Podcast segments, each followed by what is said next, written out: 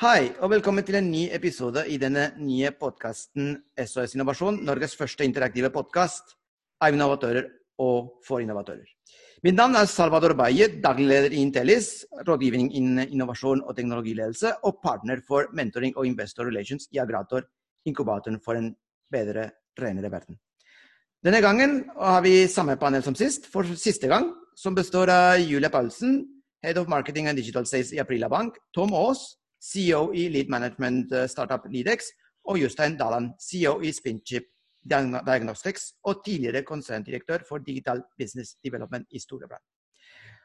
Som det er vanlig, så kommer vi til å ha en startup på slutten av denne podkasten. Og denne gangen blir det Hageleie som har utviklet en idé som er en slags eh, hva kan jeg si, Airbnb for urbane uh, dyrkere. Det blir veldig interessant å høre. Spørsmålene som vi vil prøve å uh, svare på i dag, uh, og la oss håpe at vi kan gå gjennom alle tre, alle tre, er hvordan kan man måle hva innovasjon koster? Hvordan kan man planlegge for innovasjon, og hvordan bygger man en innovasjonsprosess? Ikke enkle spørsmål, så jeg håper at uh, de dyktige paneldeltakerne som vi har, klarer å svare på dem. ok, men da kan vi starte med den, det første spørsmålet, faktisk. Og det er hvordan kan man måle hva innovasjon egentlig koster? Og uh, jeg syns at uh, Julia, det er OK at vi starter med deg. For du har uh, gode erfaringer med, fra bl.a. DNB, og nå fra Aprila. Stort, og stort selskap, lite selskap. Yes, and I think uh, I think let's start with the fact that you have to you have to of course set KPIs and you have to measure what you do also innovation. And for innovation when you start thinking about it you might think okay uh, how much does it actually cost?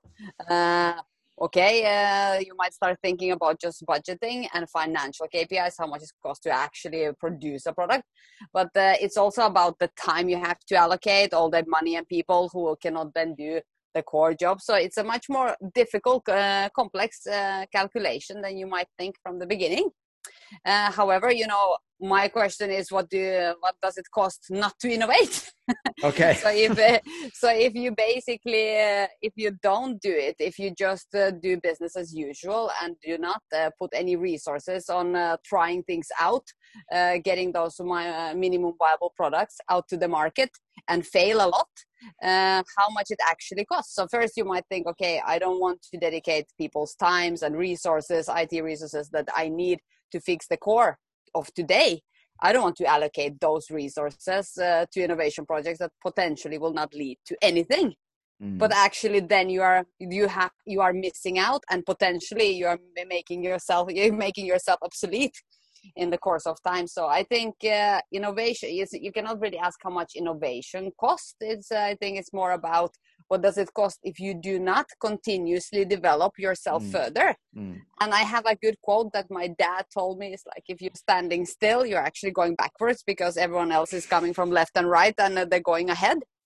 So yeah. here it's also about what does it actually cost for you if mm. you stay still. Mm. Uh, main thing is to manage the right you have to have a budget to that is actually you know in zalando we had a budget to fail and no one was asking me where that five millions went okay you were very fortunate you were, i was very fortunate i know not everyone can be that for in a, that fortunate position as us but the whole vision was that the profit that came out of all those like so-called failures uh, was groundbreaking. It is, uh, was much more what we uh, than what we spent on trying things out. So I think you have to treat innovation as any other thing uh, you are treating in your spreadsheet. So you have to have clear KPIs, set from the beginning what is your success factors for the pro- projects ahead, and be honest. Uh, if you have said that conversion rate is the most important KPI to measure here, then that must be it. Mm. So if you suddenly improve the quality of the product and that wasn't the goal you set, uh, you should not go there. and uh, mainly things that there's it actually to innovate itself it costs very little. It costs very little to get ideas generate ideas uh, try things out get the really minimum valuable product to your customers. Uh, it then costs a lot of money to implement this but if you have a good processes in between uh, i think it will be worth it. Very good. Jostein, um, jeg tror nok at du, du satt i konsernledelsen i Storebrand. uh, for ikke så lenge siden. Så jeg tipper at dette spørsmålet fikk du kanskje litt ofte. Og det er, ja, men hva koster oss dette prosjektet? Altså, jeg, jeg tipper at vi alle sammen er enige med, med Julia. at Hva koster å ikke innovere?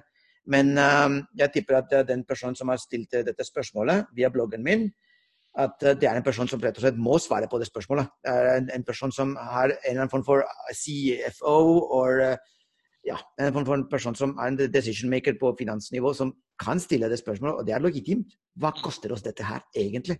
Hvordan, hvordan, hvordan opplevde du det? Hvordan har opplevd du det i løpet av din karriere, Jostein? Nei, altså Det er jo egentlig ikke så veldig vanskelig. Ledelse handler jo om å allokere ressurser. Og da må du vite hvilke ressurser du allokerer oss til. Både til innovasjonsporteføljen, sånn som de fleste større organisasjoner har, og til innovasjonsinitiativene. Så da må du ha en konkret uh, oppfatning av hva det koster. Og det er jo noe av det viktigste kostnadsdrivere i, i Norge er jo tid uh, som den enkelte bruker. Så det er ikke så hokus pokus å forstå hva innovasjonsinitiativ koster. Uh, eller hva en total innovasjonsportefølje koster. Så det bør man ha en klar. Og så må man ha en klar oppfatning av hva slags avkastning du skal ha på de ulike innovasjonene. For den må jo stå i måte i, i, stilling til hvilken risiko du har på de ulike innovasjonene, og, og omfanget på investeringen. Så jeg syns ikke det er så krevende å, å, finne ut hva innovasjon koster totalt sett. Nå, ikke, nå, har ikke jeg vært noe sted sånn som Julia har hatt, hvor du har hatt sånne eh, potter som, som, på en måte ikke har vært allokert litt. Jeg, jeg ble litt misunnelig, kjente jeg. Men, men, men, eh, men, ute på det så er det jo, det er jo på mange måter altså Alle som har jobbet med en eller annen form for utvikling, så er det jo veldig mye likt. Det som er ulikt, er jo usikkerhetsrommet hva innovasjon vil bidra til.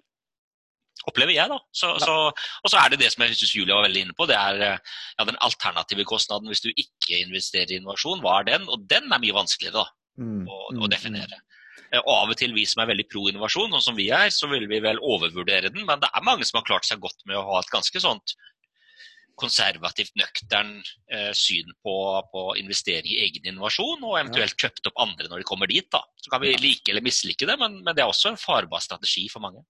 Ja, eh, og det, mm, det, er egentlig sant. at eh, hvor, Hvorfor store selskaper kjøper små selskaper som har suksess i, i, sitt område, er rett og slett fordi da pikker de en, en sikker vinner, istedenfor å, å prøve seg på 1000, 1000 alternativer.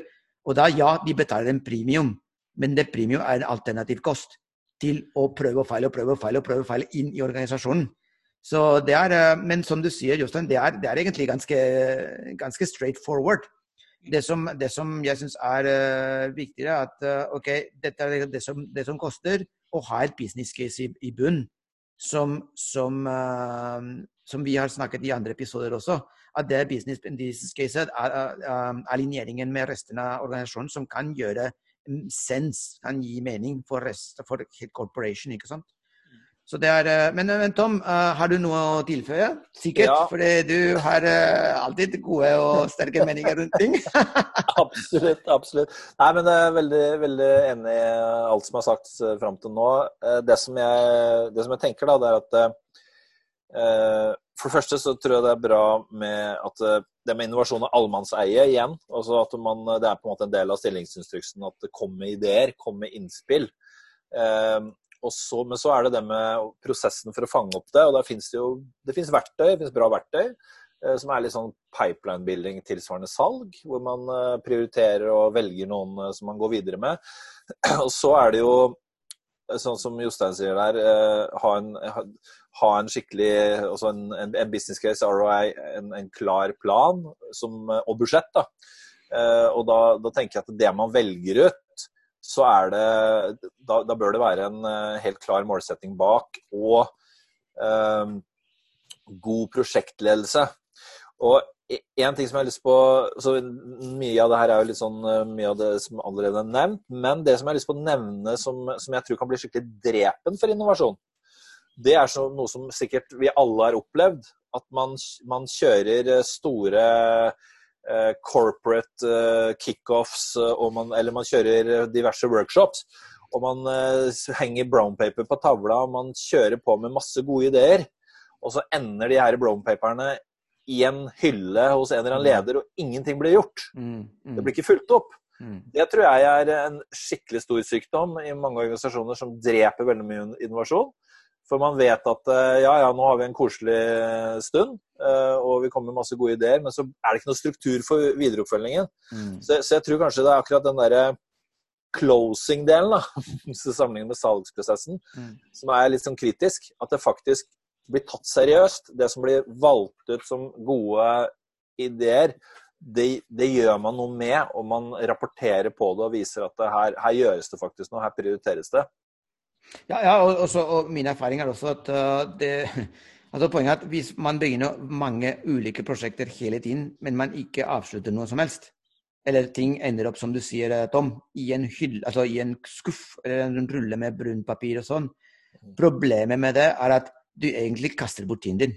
Du kaster bort tiden din, du kaster bort din, din karriere. Du, du kaster bort uh, penger og tid til aksjonærene. Altså, det er egentlig et skikkelig disaster. Så, ja, og da er vi tilbake til det vi diskuterer i en annen podkast. Hvordan kan man gjøre en prosess tydeligere, slik at man egentlig står fast ved en, en, en beslutningsprosess. da. Fordi det er utrolig, som vi har også sagt eh, i en annen anledning, da, at det er så gøy å jobbe med innovasjon da. Ikke sant? Det er så gøy. Og så masse business model canvas, og man fyller, man fyller ut alle firkantene bortsett fra de to nederst som er kostnader og inntekter. Fordi det er, det er kjedelig. Og, men det er sant. Og, da, og da, da poenget er at eh, det er um, Innovasjon er egentlig noe veldig seriøst.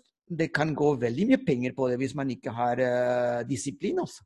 Ja. Det er, eh, og, det, og, mitt, min konkrete, mitt konkrete svar på dette spørsmålet hadde vært hvordan kan man måle hva innovasjon koster? Eh, Se, se, se de stagene, se, se prosessen, ha en rekord.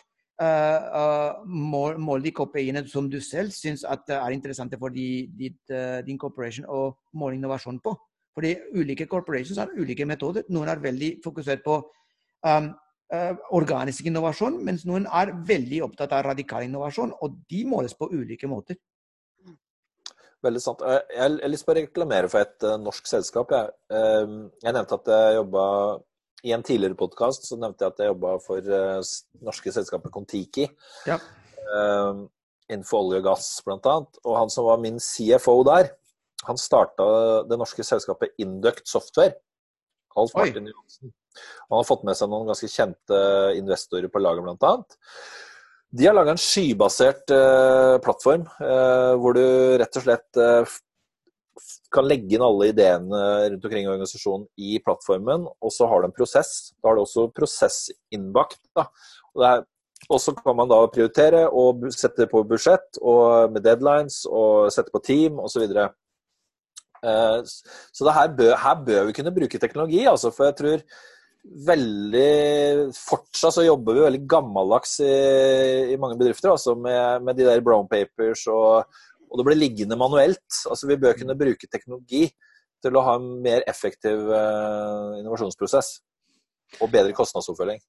Eh, enig. Og, mm, og så kan vi faktisk bruke det der for, eh, for å kunne å prøve å svare på neste spørsmål, som er hvordan kan man planlegge for innovasjon? Eh, og det er eh, litt tricky. Uh, synes jeg det er et spørsmål som er veldig litt tricky. og den, den, den kan tolkes på mange måter. Jeg overlater det til dere, hvordan dere vil tolke det. Men etter det du snakker om nå, Tom, altså en, en måte å planlegge på for innovasjon er å ha kontroll over ideen, ideene som, er, som starter i, i første delen av, av trakta. Ja.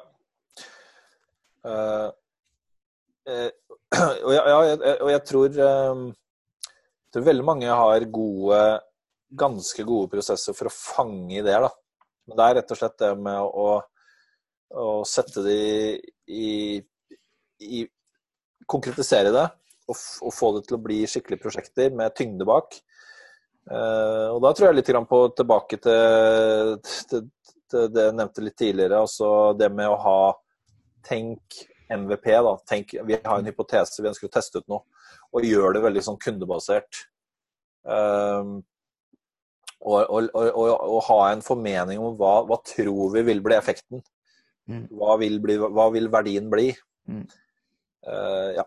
Så Julia, hvordan planlegger dere for innovasjon i et så ungt selskap som Aprila Bank? Mm.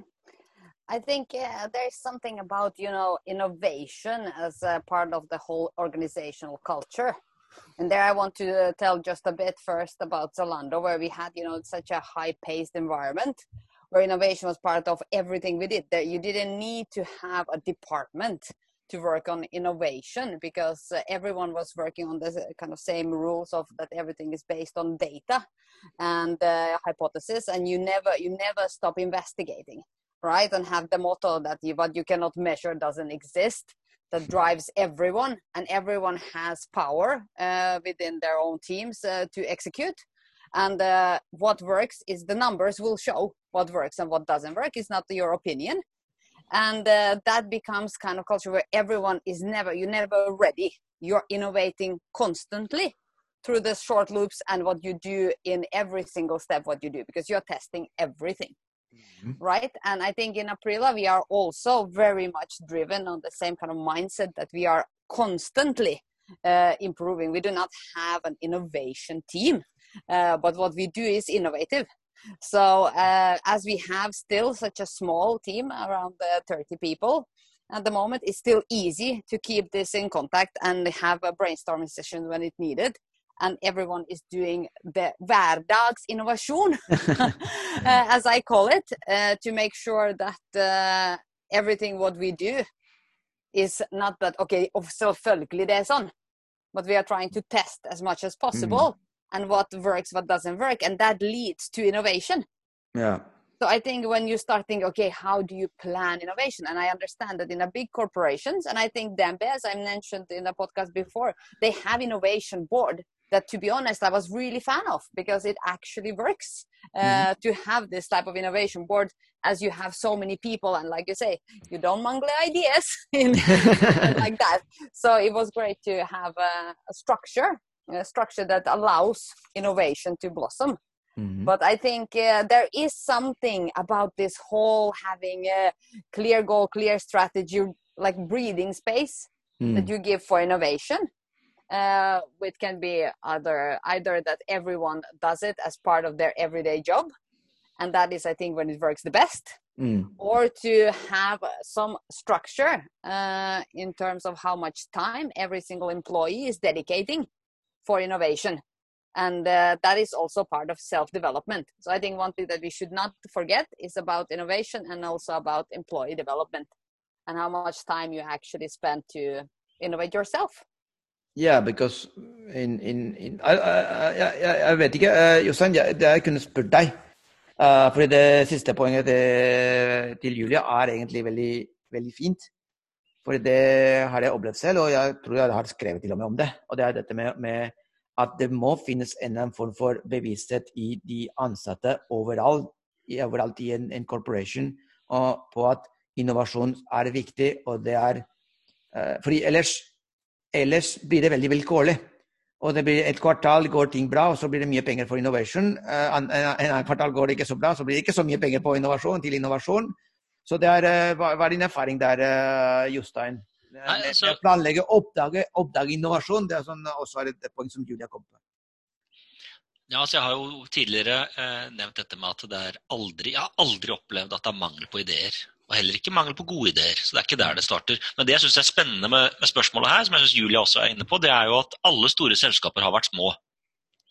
Og, og den eneste måten å vokse for et lite selskap når du starter, det er at i morgen må jeg gjøre noe annerledes enn det jeg gjorde i går. Så at du må ha en kontinuerlig fornyelse. Derfor så blir det på en måte det som driver deg framover. Og på et eller annet tidspunkt så kommer de fleste virksomhetene på et eller annet øyeblikk hvor man opplever at det som har drevet en fornyelse og endring og risikovillighet, da, så plutselig tipper over på at man opplever som en virksomhet Jeg tror ikke det er kollektivt engang, det er på en måte det bare vokser fram at man har mer å tape enn man har å vinne. Og Da Mm. skjer det noe med store organisasjoner. og Det skjer over lang tid. og Dette er jo sånn organisasjonspsykologi og så videre, som er kjempespennende. Og da plutselig kommer, for, for da har du endret hvem som rekrutteres inn der. altså Når du rekrutterer i et lite selskap, så er det de risikovillige, de fremoverlente, de, de som, som hele tiden ønsker det. Og så får du ja, ulike personligheter og fram og i tid. Og Da kommer dette her med planlegge for innovasjon. For Jeg har i hvert fall ikke opplevd at noen av de selskapene som jeg har vært med på å bygge, har liksom hatt det som et tema i det hele tatt. Det, og det, jeg, jeg, tror det er det Julie også sier, at det er ikke et tema når du skal vokse. Det er, det, er, bare ikke sånn du tenker. Så dette handler jo mye om etablerte selskaper, hvordan få til innovasjon. Og da tror jeg at det er flere ting. Det ene er å snakke om det som vi snakker om nå. altså Man faktisk er bevisst viktigheten av det. Det andre er du må vite hvor du skal, da. og det må være enkelt. Altfor mange har for mange og for krevende ambisjoner og strategier. Liksom. Hva er det vi skal prøve å få til? Og så må man rett og slett eh, si at man setter seg noen mål. Det er dette vi skal få til. Vi skal få til dette, og det skal bestå av det. Fordi Når du setter mål på en større organisasjon med ressurser, så putter du ressurser bak, og da får du en forflytning. Så Jeg tror ikke det er sånn hokus pokus, men, men, du kan ikke planlegge ned i detalj. Er derfor jeg sier at da kommer kanskje til dette med innovasjonsprosess og sånn, men, men jeg, er, jeg, er, litt mer usikker på hvor smart det er å ha innovasjonsprosesser, ja da, egentlig. Okay. Strukturer. Mm. Ja, men det tror jeg. Du må ha strukturer og beslutningspunkter, og så må du ha en, en, en tilnærming og metodikk men prosesser, eh, avhengig av hvordan man tolker det, kan være litt hemmende, tror jeg. Fordi prosesser for store organisasjoner er tilsvarende som andre typer prosesser. Det vil si, i morgen skal vi gjøre likt det vi gjorde i går. Det er på en måte slik man definerer ofte prosesser. og Den er litt farligere. Den tror jeg hemmer mer enn den fremmer. da. Ja, men uh, altså, Det som er poenget, er at uh, prosesser er det som, er gjort, som gjør at disse store organisasjoner og deres siloer spytter ut verdi hver eneste dag. Så det er, uh, men for en, for en liten organisasjon så du, du, må finne din, din, din, din, plass i verden. ikke sant? Og da, da, da, er det det som på en måte Julia også sa, at du må ha data hele tiden for å videre, kunne videreutvikle deg og outsmarte de andre. Um, og, så, og, så, vil jeg Tom, jeg tror du hadde noe å si? Ja, ja en kommentar uh, enig, Jostein der. Uh, og, og, spesielt i, i etablerte selskaper, da, så, så, tror jeg på forenkling for å ikke komme i havne i den fella hvor, uh, hvor, ting ikke blir fulgt opp, eller at det blir brukt bruk, for mye energi på å evaluere ideer. Uh, så en konkret idé som jeg får uh, i, i podkasten, det er altså veldig mange bruker nå Slack eller tilsvarende. Mm. lag en egen thread som er, er idéboksen. Altså, før så hadde vi en postkasse eller noe man putta ideen i. Men, men koble det til at man de, som, de, ideene som velges, da, at, at, det er en eller annen gevinst for det, altså en, en eller annen premiering. Eh, sånn at det ikke bare forsvinner ut inn i det store intet, men at man løfter opp da de som har kommet med en, en, en god idé. Men velg heller noen få utvalgte initiativer, og, og skap litt støy rundt det, enn å drukne i, i diverse mindre viktige ideer, da, for å si det sånn. Ja, jeg har et eh, veldig godt poeng. Jeg har en, et spørsmål til til alle tre. fordi jeg syns det er eh, det har vært, eh, Jeg er en stor forkjemper for dette, men ikke alle er enig med meg. Og det er dette med å etablere fokusområder. En måte å planlegge innovasjon er, og det har vi snakket om i andre podkaster, å alinere hele organisasjonen mot hvilke, på hvilke områder selskapet, stor eller lite, skal, skal være vinner på. Det som, eh, det som jeg syns at uh, Da jeg jobbet i Telenor New Business, uh, så var vi veldig var vi, var vi, vi, vi, var ikke så styrt. Vi hadde en prosess, vi var også fleksible på det. Men det, vi var veldig klar over at disse er de områdene vi skal fokusere på for å kunne etablere nye forretnings... altså, kild, altså omsetningskilder for Telenor. Og det fungerte veldig bra. Det ga bare det der med å ha føringer på, føringer på områder og det kan være produkt, type produkter, og det kan være type uh, selskap, teknologi. Vi hadde litt blanding av alt. Det ga oss utrolig bra disiplin til å uh, komme med i Altså selektere de ideene som vi egentlig kunne, og være, kunne egentlig være, være alliert med resten av organisasjonen med en gang. Og så kunne nurture de som uh, ble etter hvert vinnere. Men hva, hva er deres uh, Uh, Jøystein, har du, har du noen, uh, noen, erfaringer rundt det der? Fordi det er jeg, faktisk et tema som interesserer meg faglig. Virkelig. Jeg, jeg tror den måten å tilnærme seg innovasjon er eksepsjonelt viktig. det vi er inne på der da. Så bruker man sikkert litt forskjellige ord og sånn. Uh, jeg er vant til liksom, ja det handler om strategic fit, ikke sant? som egentlig har sagt hvor er du skal hen, som er det samme. Mm. Og det handler om å identifisere komparative fortrinn tidlig. Eh, jeg tror den måten å drive innovasjon innen områder som er relatert, er kjempeviktig. Men det blir jo ikke radikal innovasjon av det. Og det tror jeg man også skal være ganske sånn bevisst på. da. Eh, du får god innovasjon, og du får veldig sånn logisk, rasjonell innovasjon. Men den helt sånn radikale innovasjonen, den, den er vanskelig å få ut fra den metodikken. Er ikke jeg sikker på om store, etablerte selskaper er de som er best egnet til å ha radikal innovasjon heller. Det er på en måte en podkast i seg selv, tror jeg. Ja, eh, ja men, Godt spørsmål til neste gang. Ja, det tror jeg absolutt. Men jeg er, veldig, jeg er veldig for den måten. Mye mer enn å, enn å, tenke ja, nå må vi etablere en innovasjonsprosess for å få opp vår innovative evne. Det, det føler jeg, i hvert fall sånn som jeg tolker innovasjonsprosess, det er, det er, litt feil. Men sånn som du sier, da er det disse områdene vi er nødt til å se på. Forstå kundeproblemene bedre, løse de bedre og adressere de. Det har jeg veldig tro på. Julia? Yes, I think focus is so important. And let's be honest I think uh, also here you can kind of, uh, what kind of innovation is actually needed, right? Sometimes I get so angry because everyone is building a platform, for example. Suddenly everyone wants to be a platform. Yeah. And then I'm asking Because myself, it's so easy. Because it's so easy to build a platform. It's an easy. So, yeah, you know, like, yeah. So that is just one example of like people start innovate. You know you can have insurance company who wants to become a platform or you know selling cars whatever. But i think then comes a question again have you lost a bit of your focus? Maybe sometimes you have to go back to the drawing board and say you know what? Our core is here we're actually super good at this and what we want to do is to make sure that we are continuously super good at this that the customers don't leave and we actually gain more new customers in our core competence. Is nothing shameful sometimes to say this is what our company does and this is what we do. You don't have to like suddenly Yeah. start training monkeys to pick up beer. Like you know it's, it, there's something to do here so i really like uh, focusing and again it depends a bit uh, what your company does but um i think for some of us we should just say yes this is what we are good for and this is what where we want to be greater and stop focus there Very good. Thank you very much, panel. Uh, vi har selvfølgelig ikke klart å svare alle spørsmål som vi hadde i sekken i dag. Uh, tredje spørsmål, hvordan bygger man en innovasjonsprosess? Det blir til en, en, en gang i framtiden.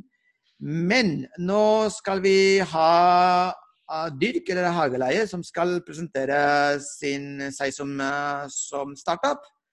Og uh, det gleder jeg meg veldig til. Nå skal jeg gi han Daniel Amundsen um, tilgang til, uh, til podkasten. Hei, mitt navn er Daniel Amundsen. Jeg har startet et selskap som heter Dyrk. Og Dyrk er litt som en Airbnb, men for hager. Det vi gjør, er å gjøre det enkelt å leie en hage for alle som ønsker å dyrke sine egne grønnsaker i en storby. Og det hele startet med min mormor, som ønsket å ha hjelp i sin hage. Hun ble jo eldre og eldre og klarte ikke å ta vare på sin egen hage, og måtte flytte til et eldrehjem. Noe jeg syntes var veldig trist. Jeg hadde også en kamerat av meg som heter Petter, som ønsket å ha en kolonihage der han kunne dyrke sine egne grønnsaker. Men dette måtte han vente 15 år på. Og det syns jeg var uaktuelt. Derfor startet jeg Dyrk, fordi jeg så at det var mange flere som også hadde dette problemet. Bare i Oslo så er det hele 85% av befolkningen som ikke har en hage. Det er over 6000 mennesker som sitter på venteliste for å kunne dyrke grønnsaker eh, på dagens alternativer, og de venter opptil 15 år. Eh, og Hvis vi ser litt på dette kolonihagemarkedet, så kan vi se at i Oslo så er det 1100 hager, og du må vente 15 år på det. I Norden må du vente 12 år, og det er 65 000 hager. Og i England så må du vente hele 40 år, og det er 275 000. Noe som tyder på at det er en stor etterspørsel etter her. Og det er veldig mange som har lyst til å dyrke grønnsaker, men som ikke får lyst. Men som ikke får det. Eh, og vi ønsker jo da å skape en plattform der eh, dette kan skje. Eh, man kan få lov til å dyrke sine egne grønnsaker i en annen sin hage. Dette skal være en delingsøkonomiplattform, der man da får muligheten til å møte nye mennesker, også møte andre nye dyrkere, og danne bekjentskap. Så Vi skal også ha et community der folk kan inspirere hverandre. Og hvorfor skal man gjøre det? Det er rett og slett for å spare penger på å ikke kjøpe en kolonihage, og ikke vente så lenge. Og rett og slett fordi de som bor i den hagen, kan tjene penger på å, på å leie ut den hagen. Og sammen skaper de en grønnere by og utnytter ressurser som egentlig er der. Vi ønsker jo da å starte med å leie ut slike hageplasser i eh, Oslo, og deretter skalere den tjenesten. Vi ser også på andre muligheter, som å ha en grønnsakskasseabonnement som man kan få tilsendt hjem på døren. Vi ønsker også å etablere takhager der man kan leie en plass på takhagen. Så vi har hatt en beta-versjon der vi hadde åtte brukere i fjor som testet tjenesten gratis og var veldig fornøyde. Slik dannet vi en god hypotese, og i dag har vi 130 brukere som står klar. Våre konkurransefordeler er at vi er først i markedet med en slik plattform. Det er ingen som har lagd en slik plattform med suksess før. Og vi hjelper også kunden i gang med en startpakke. Eh, og selvfølgelig så tjener jo de en del penger på å leie ut sin hage. Vi er også stolte av å dekke hele 8 av 17 FNs bærekraftsmål. Fordi vi ønsker at alle prosesser vi gjør, skal være bærekraftige. Forretningsmodellen vår er at vi tar 30% andel av leien mellom forholdet. Eh, og vi har et mål om å nå 10 000 kunder de neste tre årene. Dette er ca. 10% av markedet i Norge. Eh, dette vil gi oss en omsetning på 26 millioner kroner de neste tre årene. Og vi ser etter 400 000 kroner i investering for å dekke de neste tolv månedene. Dette vil gi oss ca. 3000 kunder og skape 3 millioner i omsetning. Eh, målet det neste året er da eh, å få 100 kunder. Og målet neste år er å få 3000, og da hente ytterligere 3 millioner i kapital. Eh, målet 2022 er å få 10 000 kunder og hente 10 millioner i kapital for å begynne å skalere internasjonalt. På teamet så har vi meg, som er eh, founder og CEO. Eh, Daniel Amundsen. Og så har vi Henrik Tidemann, som er co-founder og CMO. Jeg har erfaring med startups, økonomi og prosjektledelse.